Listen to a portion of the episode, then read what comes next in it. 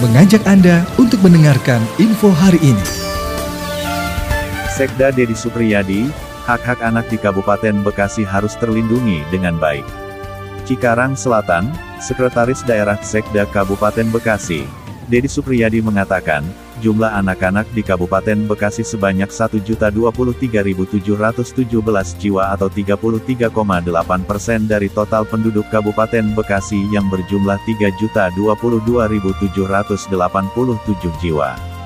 Hal tersebut disampaikan Sekda Dedi Supriyadi saat membuka kegiatan Rapat Koordinasi Gugus Tugas Kabupaten Layak Anak KLA tahun 2022 yang berlangsung di Hotel Ayola. Jalan Sriwijaya Lipo Cikarang, pada Rabu, tanggal 2 Maret tahun 2022. Dedi mengatakan, Rakor gugus tugas KLA bertujuan agar dapat menciptakan keluarga yang sayang anak, sebagai prasyarat untuk memastikan bahwa anak tumbuh dan berkembang dengan baik, terlindungi haknya.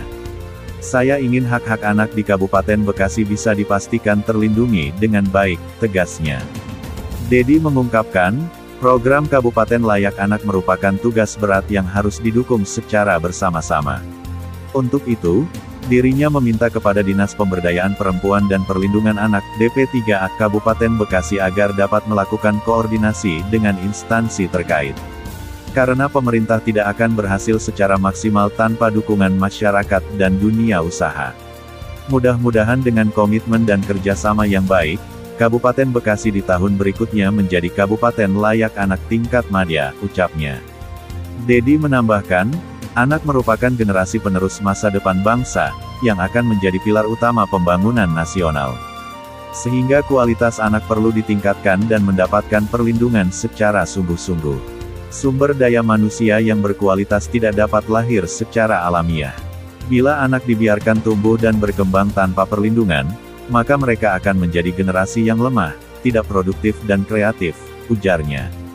Sementara itu Kepala Dinas Pemberdayaan Perempuan dan Perlindungan Anak DP3A Kabupaten Bekasi, Ani Gustini menyampaikan, upaya untuk meraih peringkat madya, salah satunya adalah harus ada dukungan dari semua pihak. Salah satu persyaratan untuk meningkatkan predikat dari Pratama menjadi madya adalah kolaborasi antara dinas, instansi dan juga dari para pelaku usaha.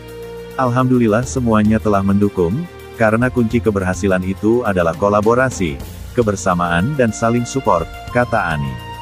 Rapat Koordinasi Gugus Tugas Kabupaten Layak Anak Klat tahun 2022 turut dihadiri Kepala Dinas Pemberdayaan Perempuan Perlindungan Anak dan Keluarga Berencana, DP3 AKB, Provinsi Jawa Barat, Drai Gusti Agung Kim Fajar Widianti Oka.